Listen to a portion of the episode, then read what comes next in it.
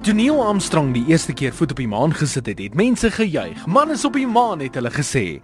En dit het nie lank gevat vir man se voertuig om ook 'n draai op die maan te maak nie.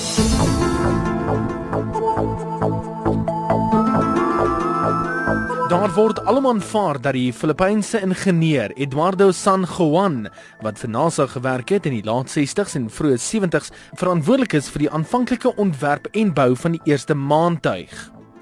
Die maantuig is vir die eerste keer in Julie 1971 gebruik tydens Apollo 15.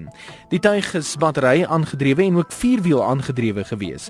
Die tuig het ook oor blaasbuise beskik om dit op die grond te hou gedurende 'n rit.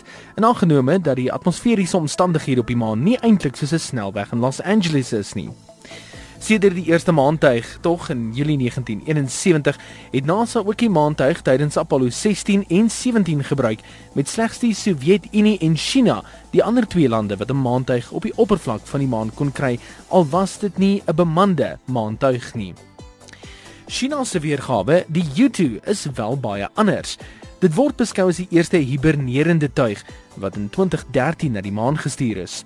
Die tuig is op 1 Desember die ruimte ingeskiet en het 13 dae later op die maan geland.